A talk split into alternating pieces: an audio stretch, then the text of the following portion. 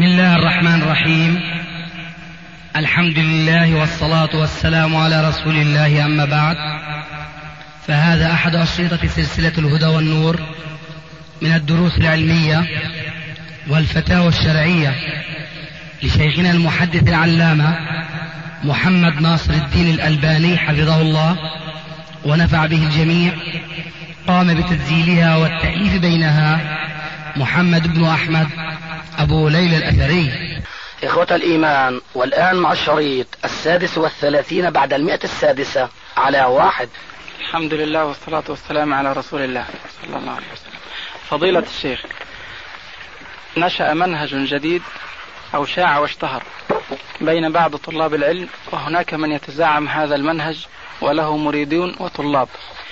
وهذا المنهج خلاصته أن هناك فرقا بين منهج المحدثين الأقدمين ومنهج المحدثين المتأخرين.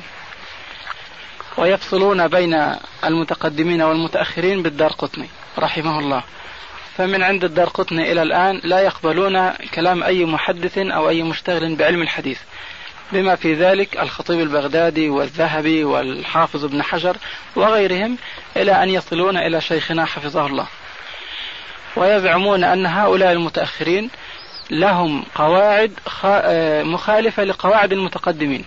وبناء عليه فهم لا يقبلون أي حكم من من هذا الصنف الذي ذكرناه.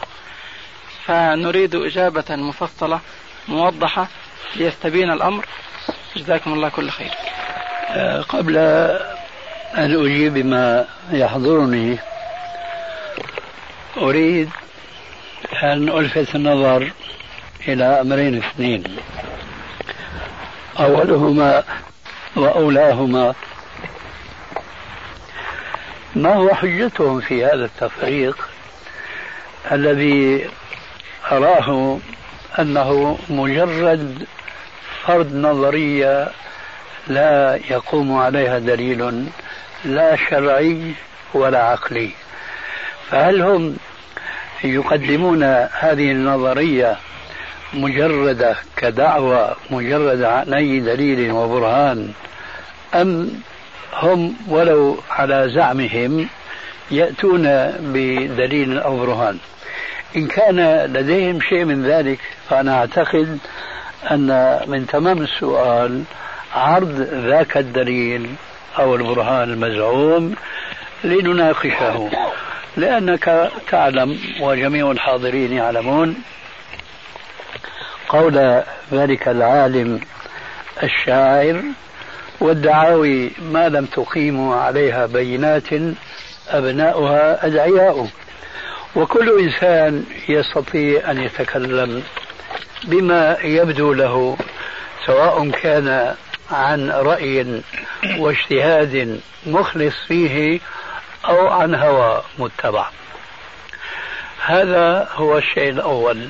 والشيء الآخر الذي يليه هل هذا الذي ظهر بهذه الدعوة بعد هذه القرون الطويلة التي اتفق علماء المسلمين على الاستفادة من جهود العلماء العاملين في مجال هذا العلم؟ خالفوهم؟ سواء كان قلت برأي أخطأوا فيه أو بهوى اتبعوه. أقول هذا الذي ظهر بهذا الرأي في ظني إنه ليس شيخا لا لغة ولا علما وإنما هو من هؤلاء الشباب الناشئين الذين عرفوا شيئا من علم الحديث ومن مصطلح علماء الحديث نظريا ولم يطبقوه عمليا. هذا إذا هنا الأمر الأول والأهم. إن كانوا يذكرون برهانا فنريد أن نسمعه. بعد ذلك أدلي بما عندي كجواب عن هذا السؤال.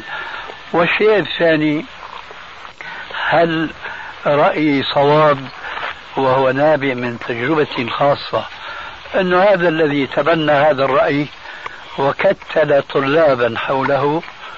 طبعا هؤلاء الطلاب شأن كل طلاب الدنيا حينما يبتلون بداعية سواء كان على حق أو على باطل على صواب أو على خطأ فهم يتبعون هذا الداعية. هل كان ظني في محله إنه ليس شيخا لا لغة ولا اصطلاحا أكذلك؟ أجيب؟ آه. أما عن الأمر الأول وهو حجة هؤلاء الحقيقة هم لا يذكرون حججا واضحة إنما يعني أكثر زعمهم أو أكثر حجة عندهم أنهم يقولون منهجنا قام على استقراء علم الأولين وكلامهم ما شاء الله. أو المتقدمين. هذه هي حجتهم. هذه بارك الله فيك لا تخرج عن كونها دعوة.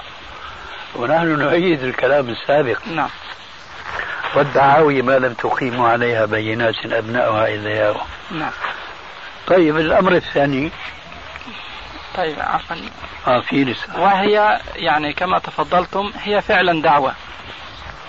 وأحد الذين تأثروا بهذا المنهج ذهب ليتعلم واقتنع بهذا المنهج فترة ثم بين له الأمر.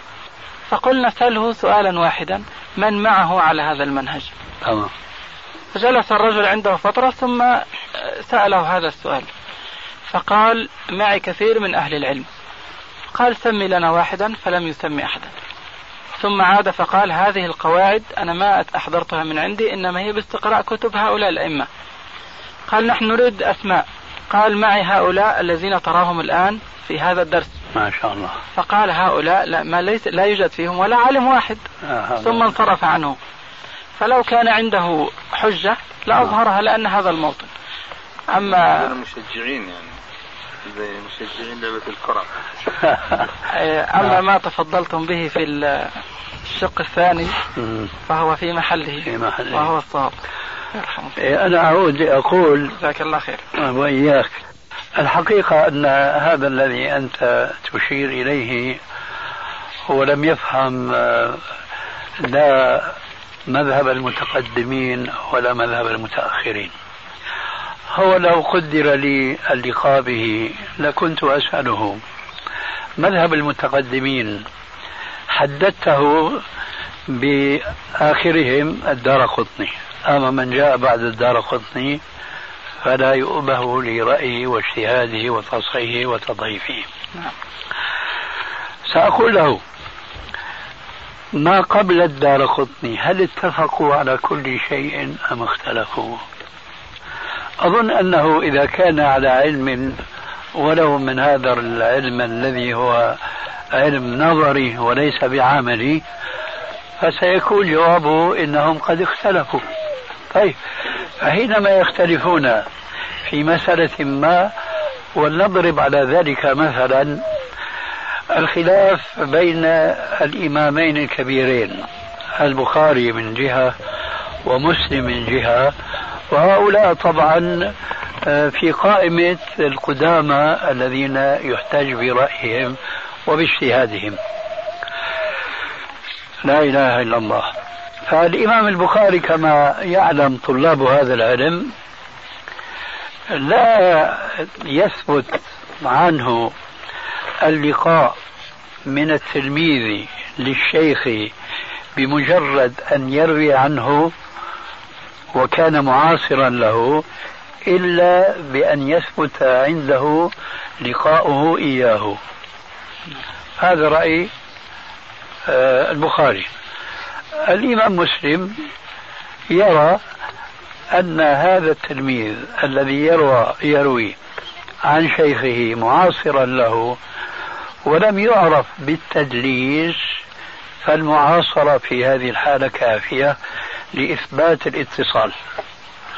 ما موقف هذا الرجل الذي يدعي هذه الدعوة التي أولا لم يسبق إليها فهو خالف سبيل المؤمنين وحسبه حجة عليهم وثانيا ماذا يفعل بين هذين الرأيين؟ لابد له أن يتخذ رأيا. فما فائدة حينئذ هذا التقسيم المبتدع؟ بين مذهب المتقدمين ومذهب المتأخرين. ما دام في المتقدمين يوجد اختلاف وجهة نظر فمن حكم الفصل في الموضوع حين ذاك أليس الرجوع إلى الدليل الذي يقتنع به هذا الإنسان؟ ظني أنه إن كان على شيء من فهم ووعي وإنصاف أيضا أنه سيقول لا بد من تحكيم الدليل في ترجيح أحد القولين على الآخر. إذ الأمر كذلك أي إنه لا بد من الرجوع إلى الدليل فيما اختلف فيه الناس سواء كان الاختلاف قديما أو حديثا أو كان الاختلاف بين القديم وبين الحديث فلا بد والحالة هذه من الرجوع إلى الدليل. فإذا افترضنا أن الخطيب البغدادي الذي يعتبر من المحدثين خالف الدار قطني الذي يعتبر من المتقدمين فهل يكفي أن نقول هذا متقدم فقوله أرجح من هذا لأنه متأخر؟ هذا لا يوجد له وجه في العلم إطلاقا لمجرد كون هذا متقدم وهذا متأخر. والرسول عليه السلام يقول في الحديث الصحيح كما تعلمون جميعا فرب مبلغ أوعى له من سامع. فالمبلغ بلا شك في هذا الحديث متأخر والسامع هو الصحابي المتقدم فرب مبلغ أوعى له من سامع. فرب رأي من مثل الخطيب يكون أرجح في النقد العلمي من رأي الدار قطني.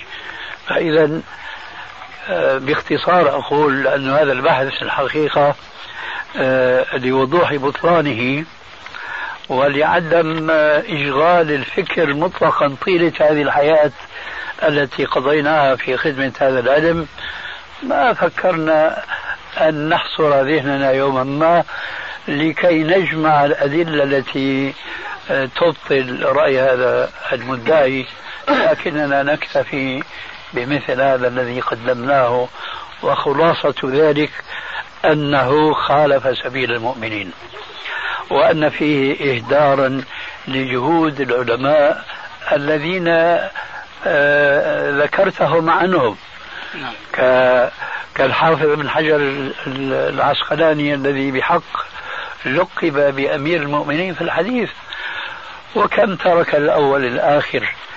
فكيف هذا التصنيف أنه متقدم يؤخذ رأيه دون نظر إلى حجته وبرهانه ويقدم على قول متأخر ولو كان الدليل قائما على صحة رأيه. لنفترض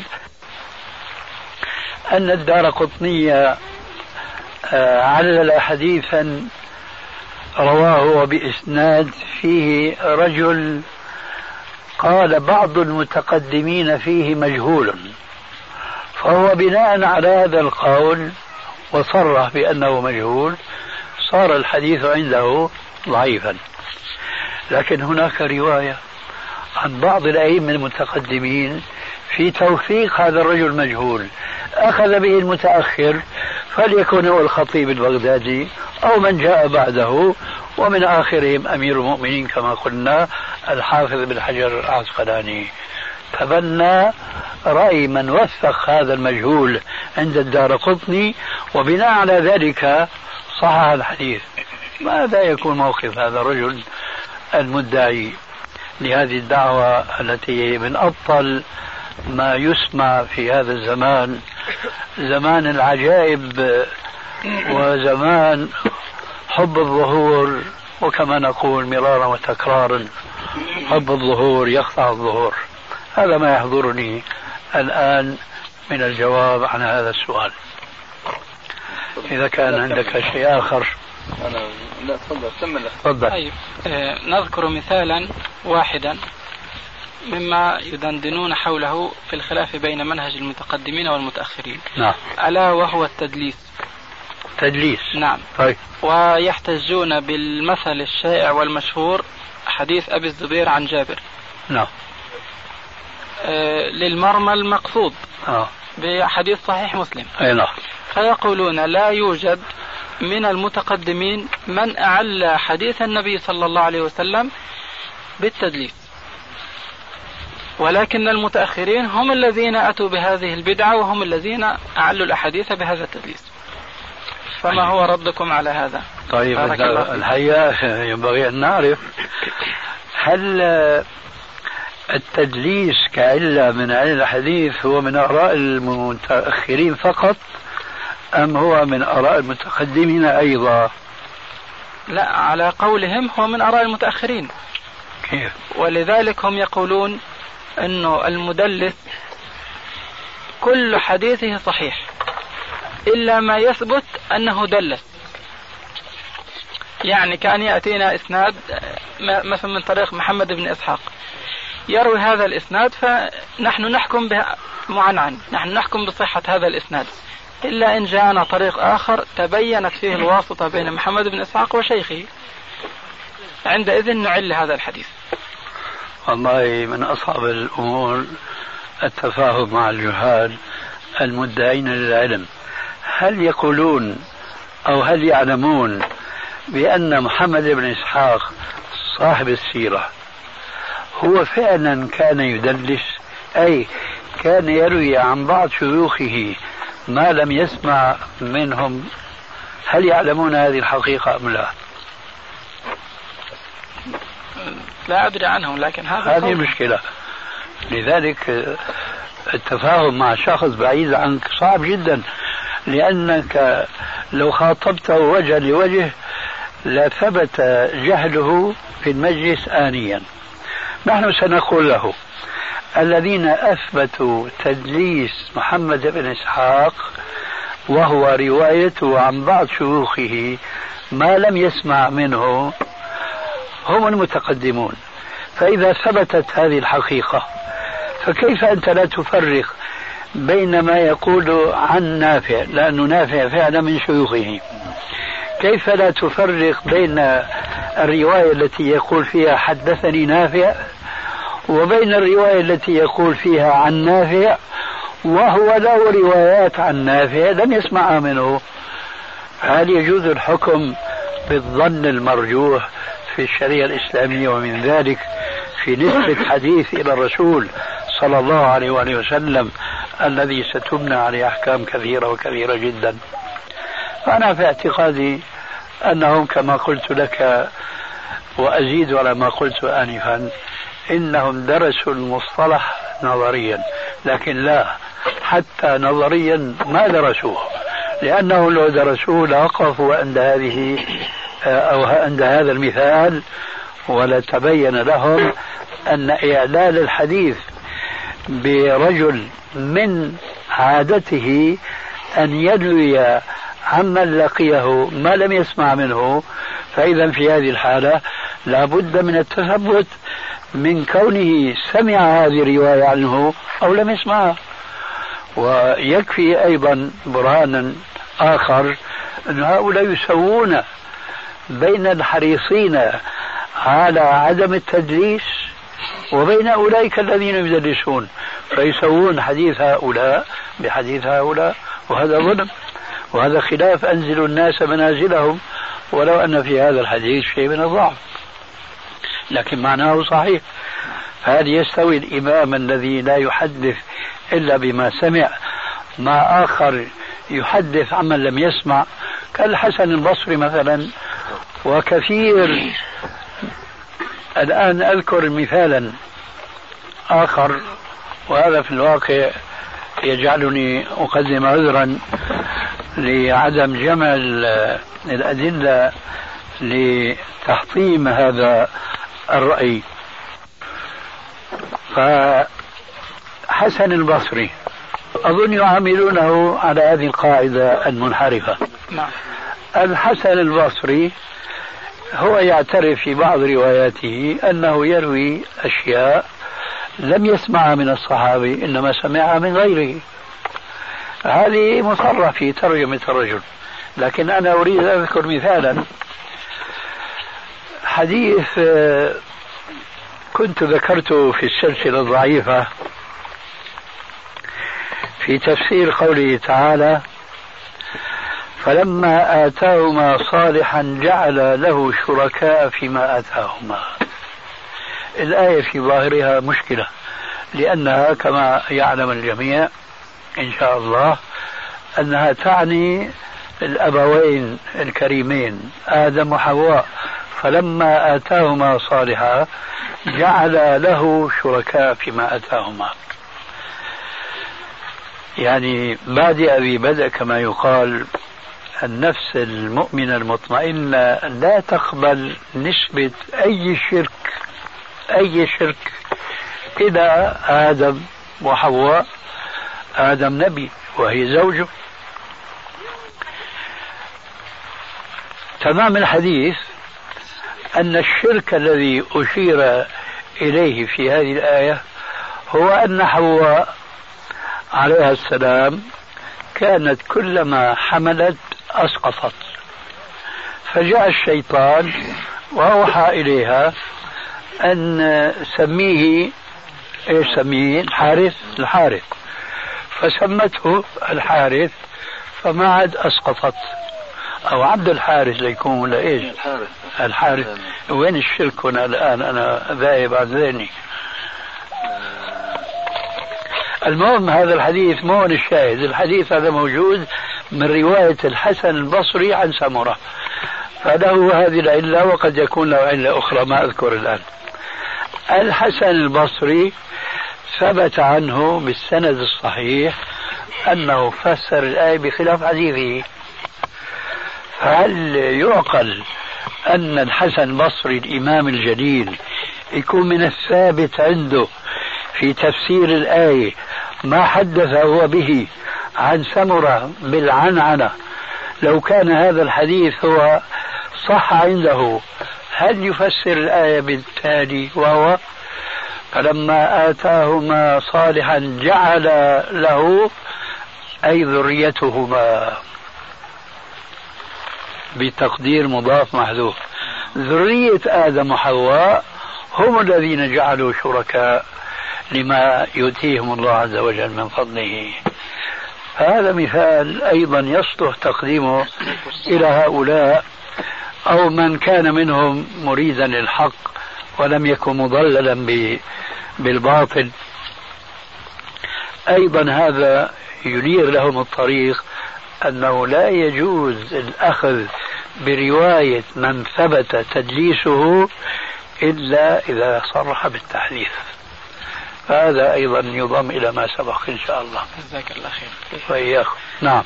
يعني يتفرع عن هذا المنهج السؤال التالي. تفضل. وهو ما هي خطورة هذا المنهج على حديث النبي صلى الله عليه وسلم؟ طبعا خطورته تعطيل علم الحديث بالكلية وعدم الوصول إلى معرفة آه، مراتب الأحاديث التي هي عندنا بالألوف المؤلفة التي لم أقل ما يقال ولا أريد أن أقول أكثر ما سأقول التي هي عندنا بالألوف المؤلفة ولم يرد إلينا حكم أحد الحفاظ ولو على منهجنا من المتأخرين فضلا عن المتقدمين. فماذا يكون موقف هؤلاء؟ وأقولها صراحة مع الأسف. ماذا يكون موقف هؤلاء؟ الجهلة بالنسبة لهذه الأحاديث الموجودة في مثل مسند الإمام أحمد وسائر المسانيد والمعاجم التي لا نجد فيها نصا بتصحيح أو تضعيف لمثل هذه الأحاديث عن أحد من أولئك المتقدمين الذين لا يقبلون حكم المتأخرين. معنى هذا تجميد علم الحديث وتعطيل أحاديث الرسول عليه السلام وعدم استمرارية هذا العلم الشريف. وكما قلت أنا اليوم بمناسبة أن الله عز وجل يعني جعل آه، وين الخطيب اليوم شو كانت المناسبة؟ أنه قلنا الله جعل مناسبة مشان يستمر العلم. علم الحديث. إجت مسألة اليوم معنا. فما استحضرنا أستحضرها الآن.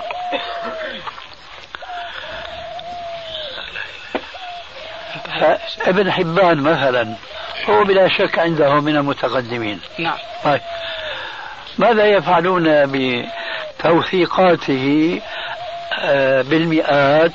المعارضة بتجهيل أبي حاتم وأمثاله ماذا يفعلون؟ أي يجعلون علم الحديث هكذا مهلهلا. لا نعرف حق من باطل. الحقيقة أن هذا الرأي أنا أراه يتصل أخيرا بصلة ولو أنها ضعيفة. بقول ابن الصلاح أن التصحيح والتضعيف للأحاديث انتهى في أي عصر القرن الرابع. أظن ذكرت تذكر هذا. في عصره نعم. في عصره. في عصره. نعم. آه. إذا هذا أوسع من ذاك. نعم. فقلت يتصل بهذا صلة بسيطة جدا.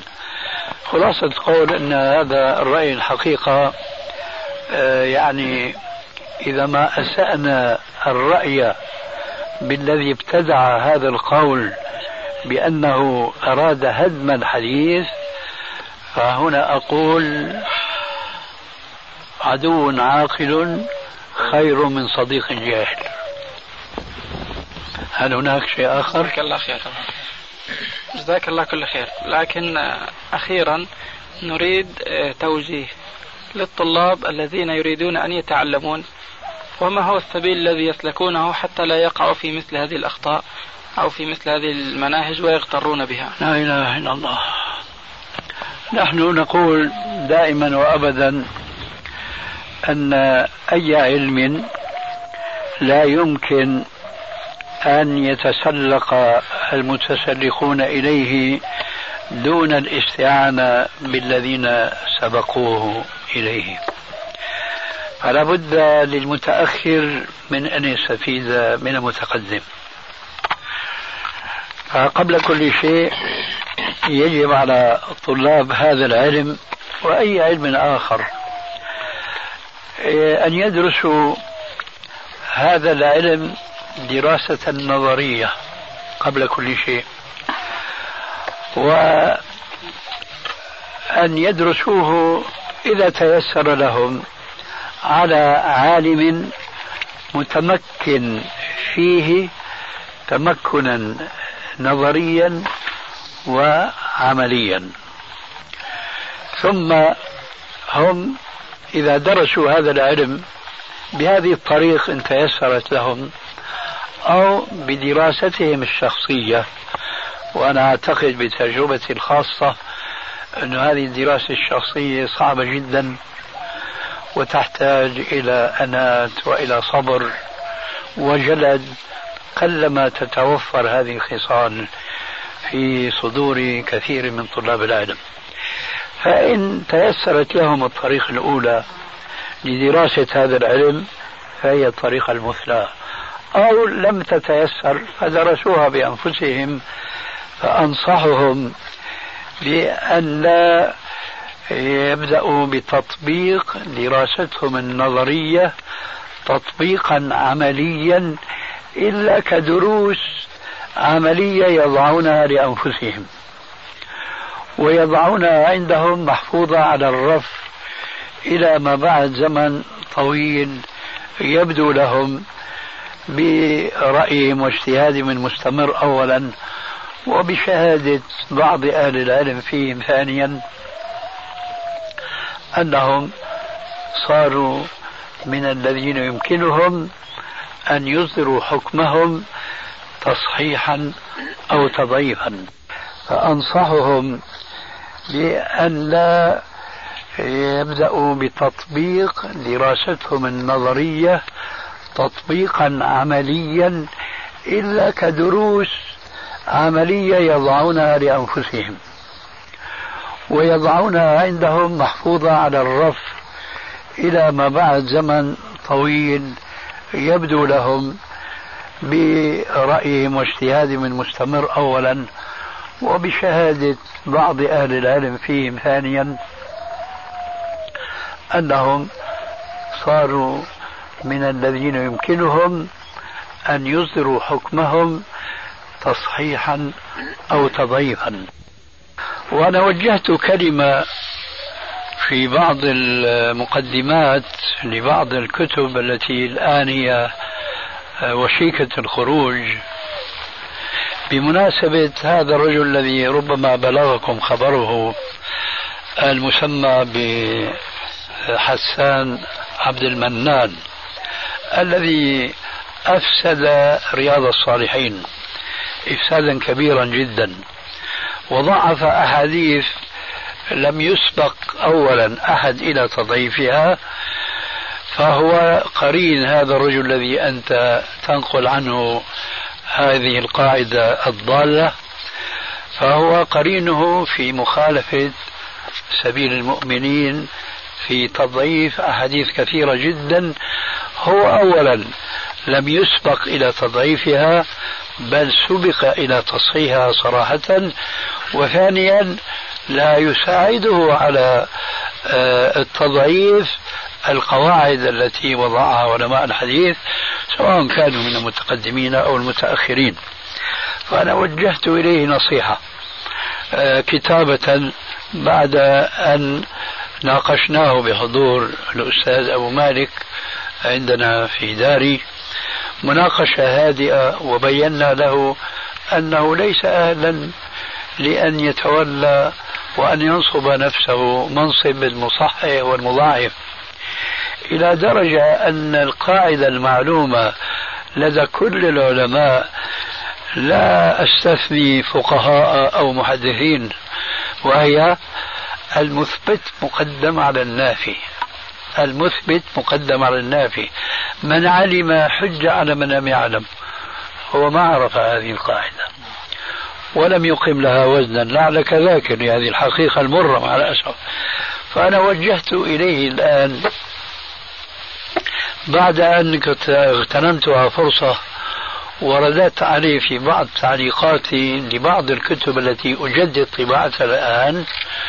وجهت إليه نصيحة على النحو الذي سبق ذكره.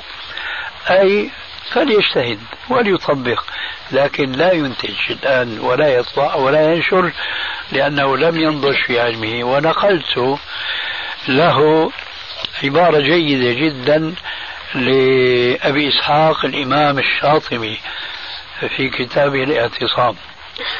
ذكر هناك أن مما يدل على أن طالب العلم هو من أهل الأهواء أن ينتصب للعلم وأن يفتي ويتصدر للمجالس دون أن يشهد له العلماء بأنه صار أهلا للعلم وللإفتاء لأنه في هذه الحالة يكون اتبع هواه وما اتبع رأي أهل العلم ودعمت أنا أظن هذه المسألة أو هذا الرأي القوي جدا بمثل قوله تعالى فاسألوا أهل الذكر إن كنتم لا تعلمون.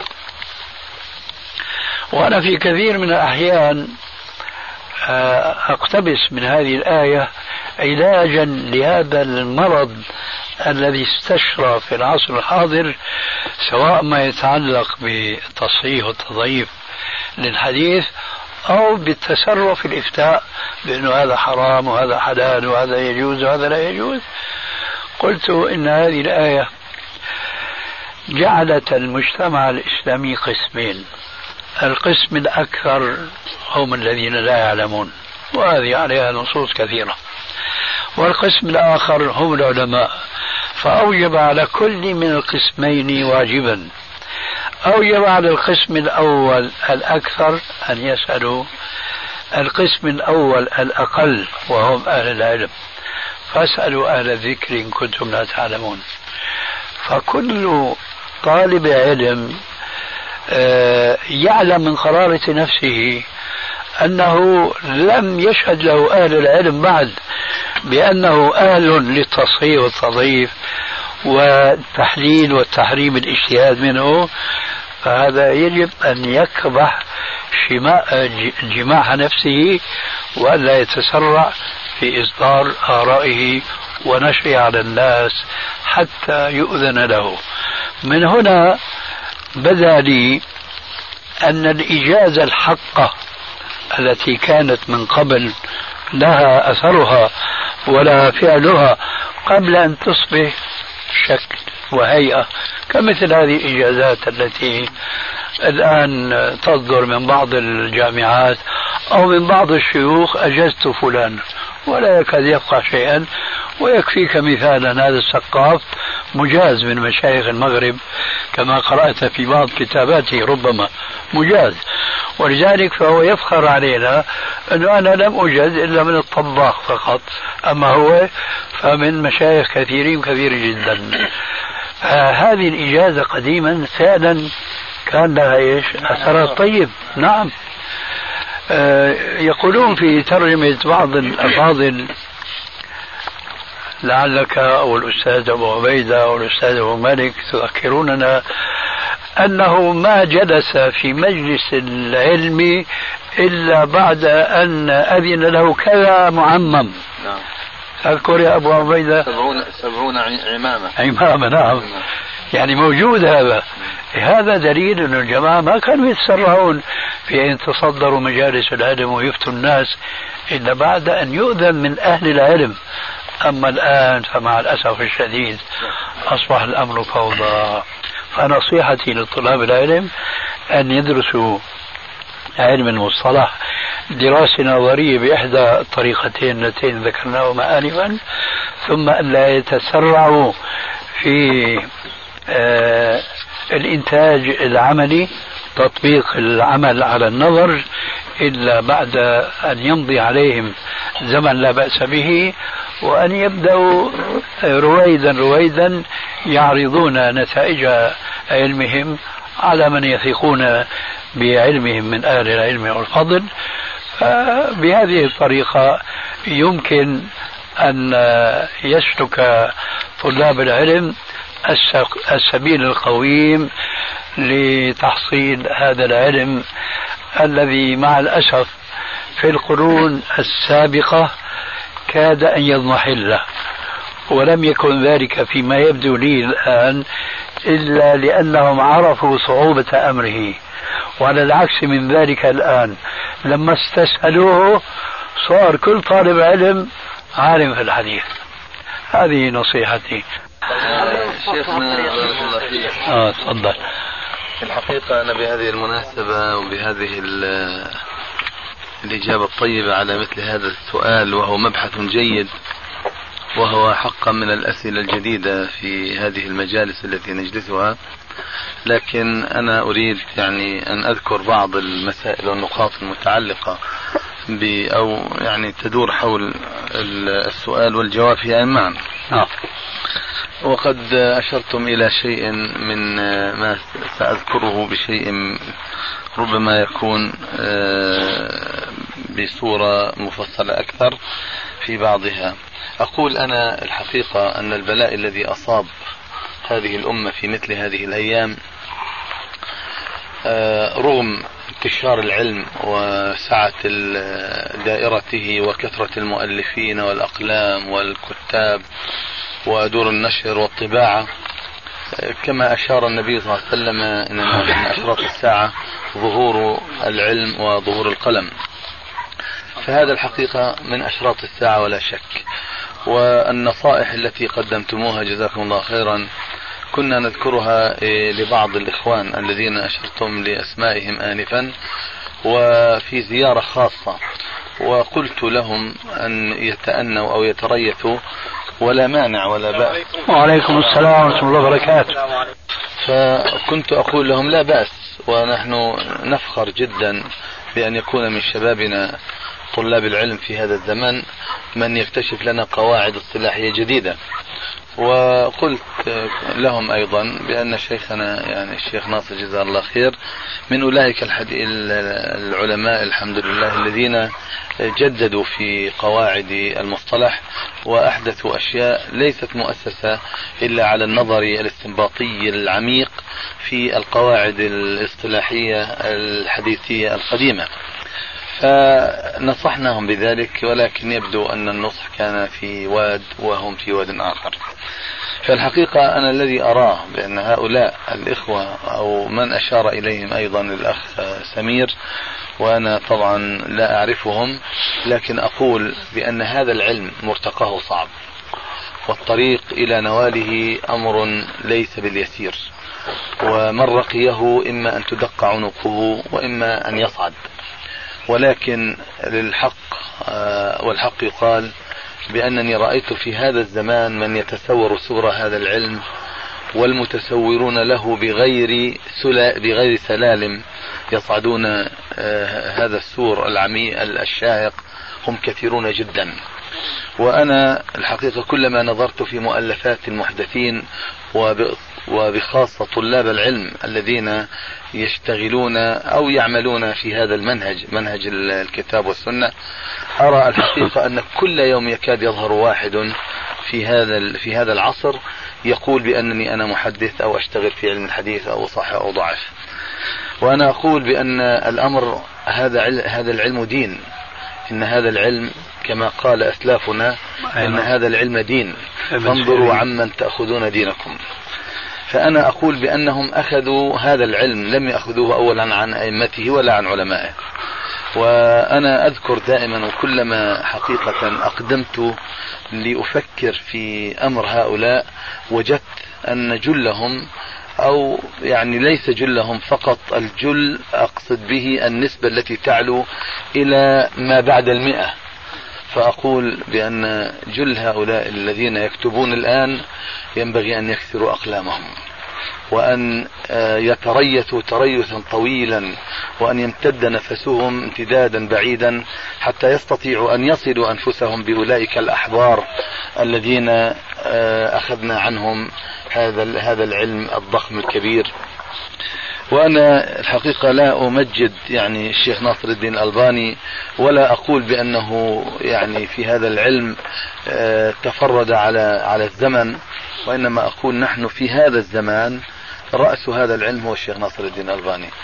ومن أراد أن يقول غير ذلك فهو مفتر كاذب.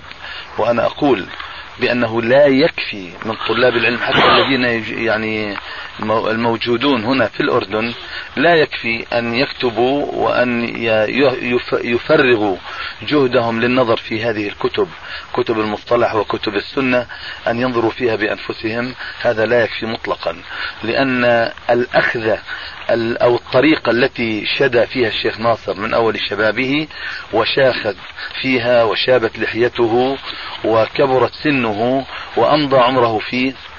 هذا الأسلوب آه، لم ينله إلا القليل القليل جدا وأنا لا أكاد أذكر أحدا أخذ أو نال هذا العلم وأفاض الله عليه الكثير الكثير منه كما كان للشيخ نصر الدين الألباني. أما طبيعة هذا العلم في حقيقته أن يؤخذ عن الأشياخ. وهؤلاء الأشياخ الآن لا أقول نادرون معدومون جدا ليس لهم وجود. لذلك أنا أقول بالنسبة لهؤلاء الإخوان الذين يكثرون الكتابة ويمضون يعني أوقاتا كثيرة جدا في التأليف والنظر أقول نصيحتي لهم أن يبتعدوا عن التصحيح والتضعيف وأن يكتفوا بالعزو فقط وأن يكون العزو إلى ما يثقون به. لا يقولون لأني أنا أرى من كتابة كثير من هؤلاء أنهم يحكمون يقولون وهذا الحديث صحيح وقد تكون الصحة التي ينسبونها إلى أنفسهم أو الضعف الذي يقولونه. لا يقولونه من عند أنفسهم وإنما يكون مأخوذا من غيرهم ثم ينسبونه إلى نفسهم أو هكذا يوهمون. والحقيقة هذه بلية كبرى لأنها أنا أعتبر بأنها سرقة وبأنها افتراء وبأنها نوع من التلصص على العلم وأخذه من غير سبيل لا ينبغي أن يكون.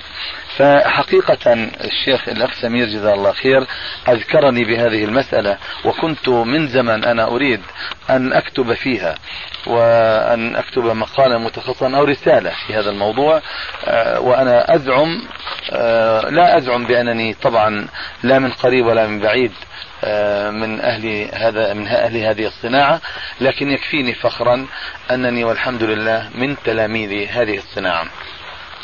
شيء آخر الحقيقة أقول بأن آه، دراسة العلم على نحو ما أشرتم إليه بارك الله فيكم أقول يحتاج إلى ثلاثة مسائل أو ثلاثة أمور. أما الأمر الأول فالرغبة الشديدة التي تحفز طالب العلم إلى أن يفرغ نفسه وينقطع لهذا العلم. أنا الحقيقة أعجب من الذين يكتبون في هذا العلم الآن وأنا أرى يعني لا أراهم يفرغون ربما في اليوم الواحد في ساعة أو ساعتين. كيف يمكن لطالب العلم هذا أن يحصل هذا هذا هذا العلم العظيم؟ كيف يحصله وهو آه، يعني كالساقية؟ هذا غير ممكن الحقيقة. آه، الأمر الثاني آه، أنه الانقطاع الكلي لهذا العلم. ينبغي أن ينقطع انقطاعا تاما وأن يكون الانقطاع ليس نظريا وأن يحكم على نفسه بأنه أصبح به وإنما كما أشرتم بارك الله فيكم أن يجاز. والإجازة هنا مفقودة وقد أشرت إلى هذا الأمر إشارة واضحة بأن الإجازة أصبحت يعني لا معنى لها في الكتاب الذي إن شاء الله سيصدر قريبا. وحددت فيه المنهج منهج السلف وبخاصة في هذا العصر الذي نعيش فيه. إن شاء الله ونرجو أن يكون قريبا صدوره إن شاء الله. وأن يكون الأخذ أن يكون الأخذ عن شيخ. وطبعا بهذه المناسبة ودعني أكون جريئا يا شيخنا بارك الله فيك. أنا أعتقد بأن وإن أسأل الله عز وجل أن يطول أن يطيل في عمركم وأن يبارك في علمكم وأن يجمعنا بكم على حوض المصطفى عليه الصلاة عليه الصلاة والسلام. اللهم يكون إن شاء الله شافعا لنا. أقول بأن نحن في هذا البلد آه، نطمع ولا زلنا نلح وكم من مرة سألتكم وألححت في الطلب والسؤال بناء على رغبات كثير من الإخوان يؤزونني أزا ويحسبون أن لي أن شفاعتي عندكم لا ترد ولكن كم ردت الشفاعة عندكم؟ مكره أخاك لا بطل يا أستاذ. أقول شيخنا بارك الله فيك آه نحن الحقيقة في حاجة إلى أن ينقطع عدد يسير من طلاب العلم ولو يعني لي يعني حتى يتدربوا على هذا العلم. لأني أنا أعتقد بأن هذا العلم لم يتدرب عليه حتى الآن الذين يكتبون فيه ويعتقدون بأنهم يعني نالوا حظوة عند هذا العلم بجهدهم الشخصي. الحقيقة أنهم لم يأخذوا عن عالم مثلكم أخذا صحيحا لكي يقال بأنه طالب علم في هذا الباب. أقول هذا وأنتقل بعد ذلك إلى التعليق أيضا على الجواب أو على السؤال الذي سأله الأخ سمير فأقول يعني مسائل تتعلق بالسؤال. أقول هل يمكن لهؤلاء الإخوة الذين يعني يدعون هذا المنهج هل يمكنهم تحديد المسائل المختلف فيها بين المتقدمين وبين المتأخرين؟ هم وضعوا الحاجز الزمني وانتهوا به إلى الدار قطني. كما انتهى الشعراء الذين يحتج بهم عند بشار بن برد. فأقول هذا الاحتجاج يمكن أن يكون في اللغة. لأن اللغة ضعفت لكن القواعد العلمية الاصطلاحية ثابتة لا تتغير ولا تتبدل. لكن اللغة تضعف على ألسنة أهلها ولذلك جعل اللغويون جعلوا الحاجز الزمني الذي ينتهي بالاستشهاد في الشعر عند بشار بن برد. فأقول هل هذا الحاجز الزمني يستطيعون معه أن يحددوا لنا أو أن يجمعوا مسائل يعني تبلغ لا لا أريد أن أقول تبلغ مئة مسألة. أقول تبلغ عشرة عشرة في عددها. هل يمكنهم أن يصنعوا ذلك أو أن يفعلوه؟ إن كان استطاعوا أن يفعلوا هذا فقد حققوا فعلا شيئا من النجاح بدعواهم. ولكن أنا في ظني أنهم لا يستطيعون أن يتجاوزوا المسائل آحاد من المسائل. الأمر الثاني. إذا سمحت ما هي ثمرة إذا استطاعوا؟ هي ثمرة لا عفوك شيخنا أنا أقول يعني أنا أطرح سؤال لكن الثمرة يعني لا ثمرة لا جدوى لأنه حتى هذا إذا اعتقدنا بأن هذا العلم وهو من من العلوم التي ينبغي أن لا أقول لطبيعة الزمن وإنما العلم يفرض وبخاصة بعد الكشوفات الكثيرة التي كشفت في العلم في علم الحديث. هات آه، أظن الآن آه، تكثرون الله يفتح إن شاء الله. مين اللي فاهم منكم؟ فأقول شيخنا الحقيقة إنه الثمرة لا ثمره وبخاصة بعد أن آه، اكتشفنا أو اكتشف يعني كشفت ترى يعني كنوز كبيرة وكبيرة جدا من هذا. الله تقبل إن شاء الله. اللهم آمين. كشفت كنوز ضخمة من السنة. ولا شك أن هذه الكنوز يعني منها ومنها. يعني منها يعني أنا أعتقد بأن حتى سبيل التضعيف والتصحيح في هذه الكتب التي أو في هذه الكنوز التي كشفت يكون فيها أيضا اختلاف حتى رغم أنها في المتقدمين. نعم. أيضا. ما ذكرنا هذا من نعم. ولذلك الحقيقة أنا أعتقد بأن من البلاء الكبير أن يقال بالتفريق بين الفترتين بين فترة المتقدمين والمتأخرين. ثم أقول هذا الاختلاف حتى لو كان كثيرا على فرض أن الاختلاف يبلغ مسائل تبلغ المئات. أقول هل يؤدي هذا الاختلاف في القواعد الاصطلاحية إلى الاختلاف في الأحكام الشرعية؟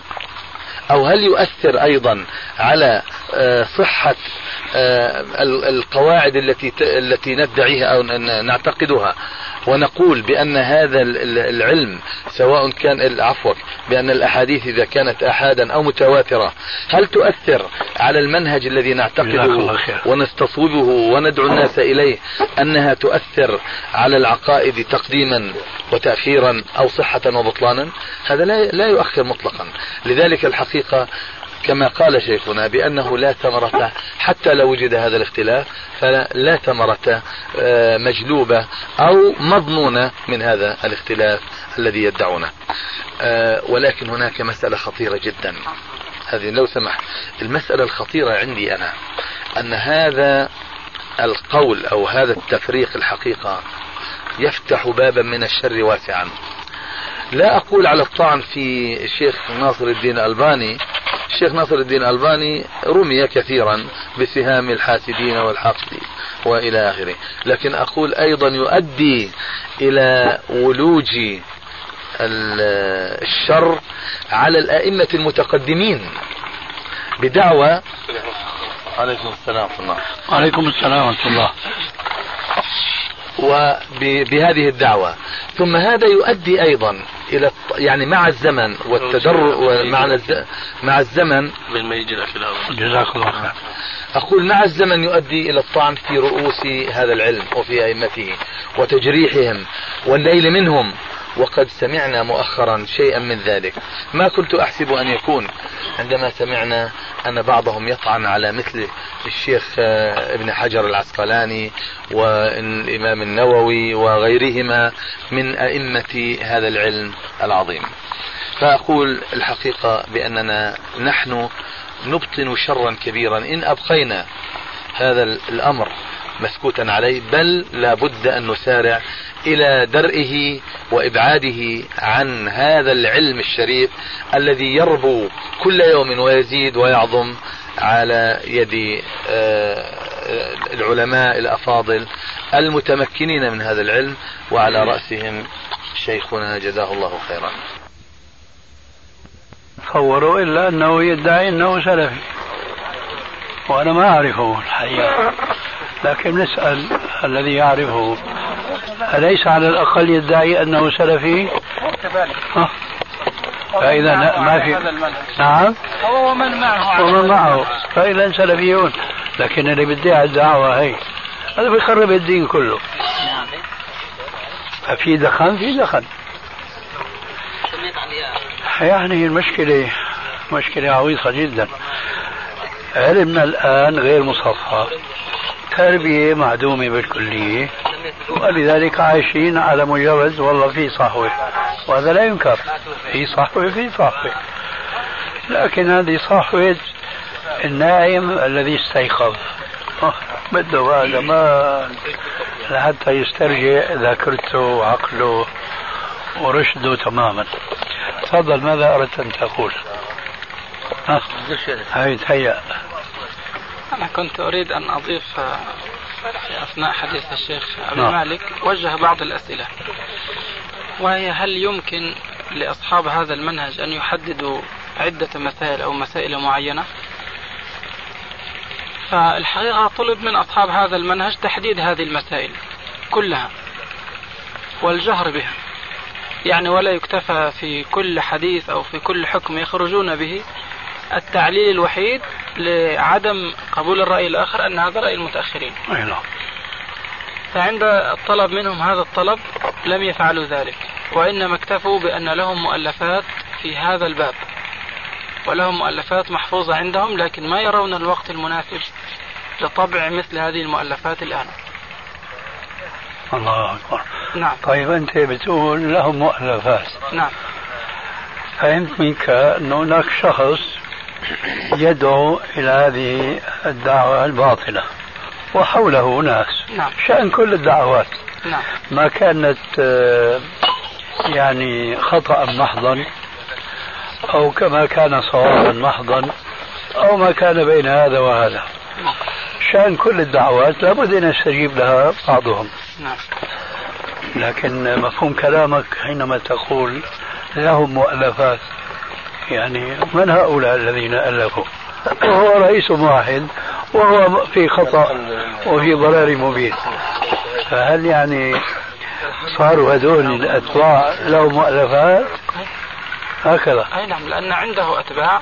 ما ويراه يرون أنفسهم أصبحوا طلابا كبارا. طيب آه، التقيت معه الرجل؟ قديما.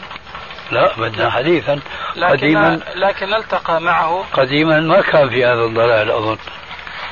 لا هو لكن اللقاء ما جرى فيه بالتفصيل مثل هذا. هذا الذي أنا حدث- أريد أن أقول يعني لو دعي لجلسة علمية هادئة يستجيب؟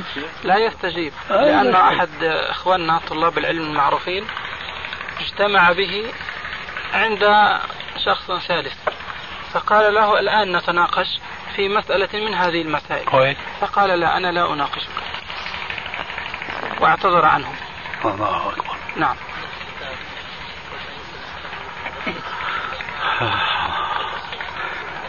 أما إذا جاءنا من هؤلاء الطلاب اللي يسمعون منه نتناقش معهم فعندما تنقطع حجتهم يقولون نحن لا يعني ليس هذا كلامنا أو ليس كل المسألة عندنا.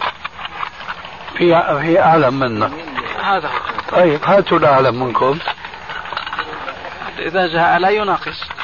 إن حضر لا يناقش. هو المقصود يعني نعم. هاتوا الأعلم مشان تسمعوا مناقشة وتشوفوا الحق وين هو.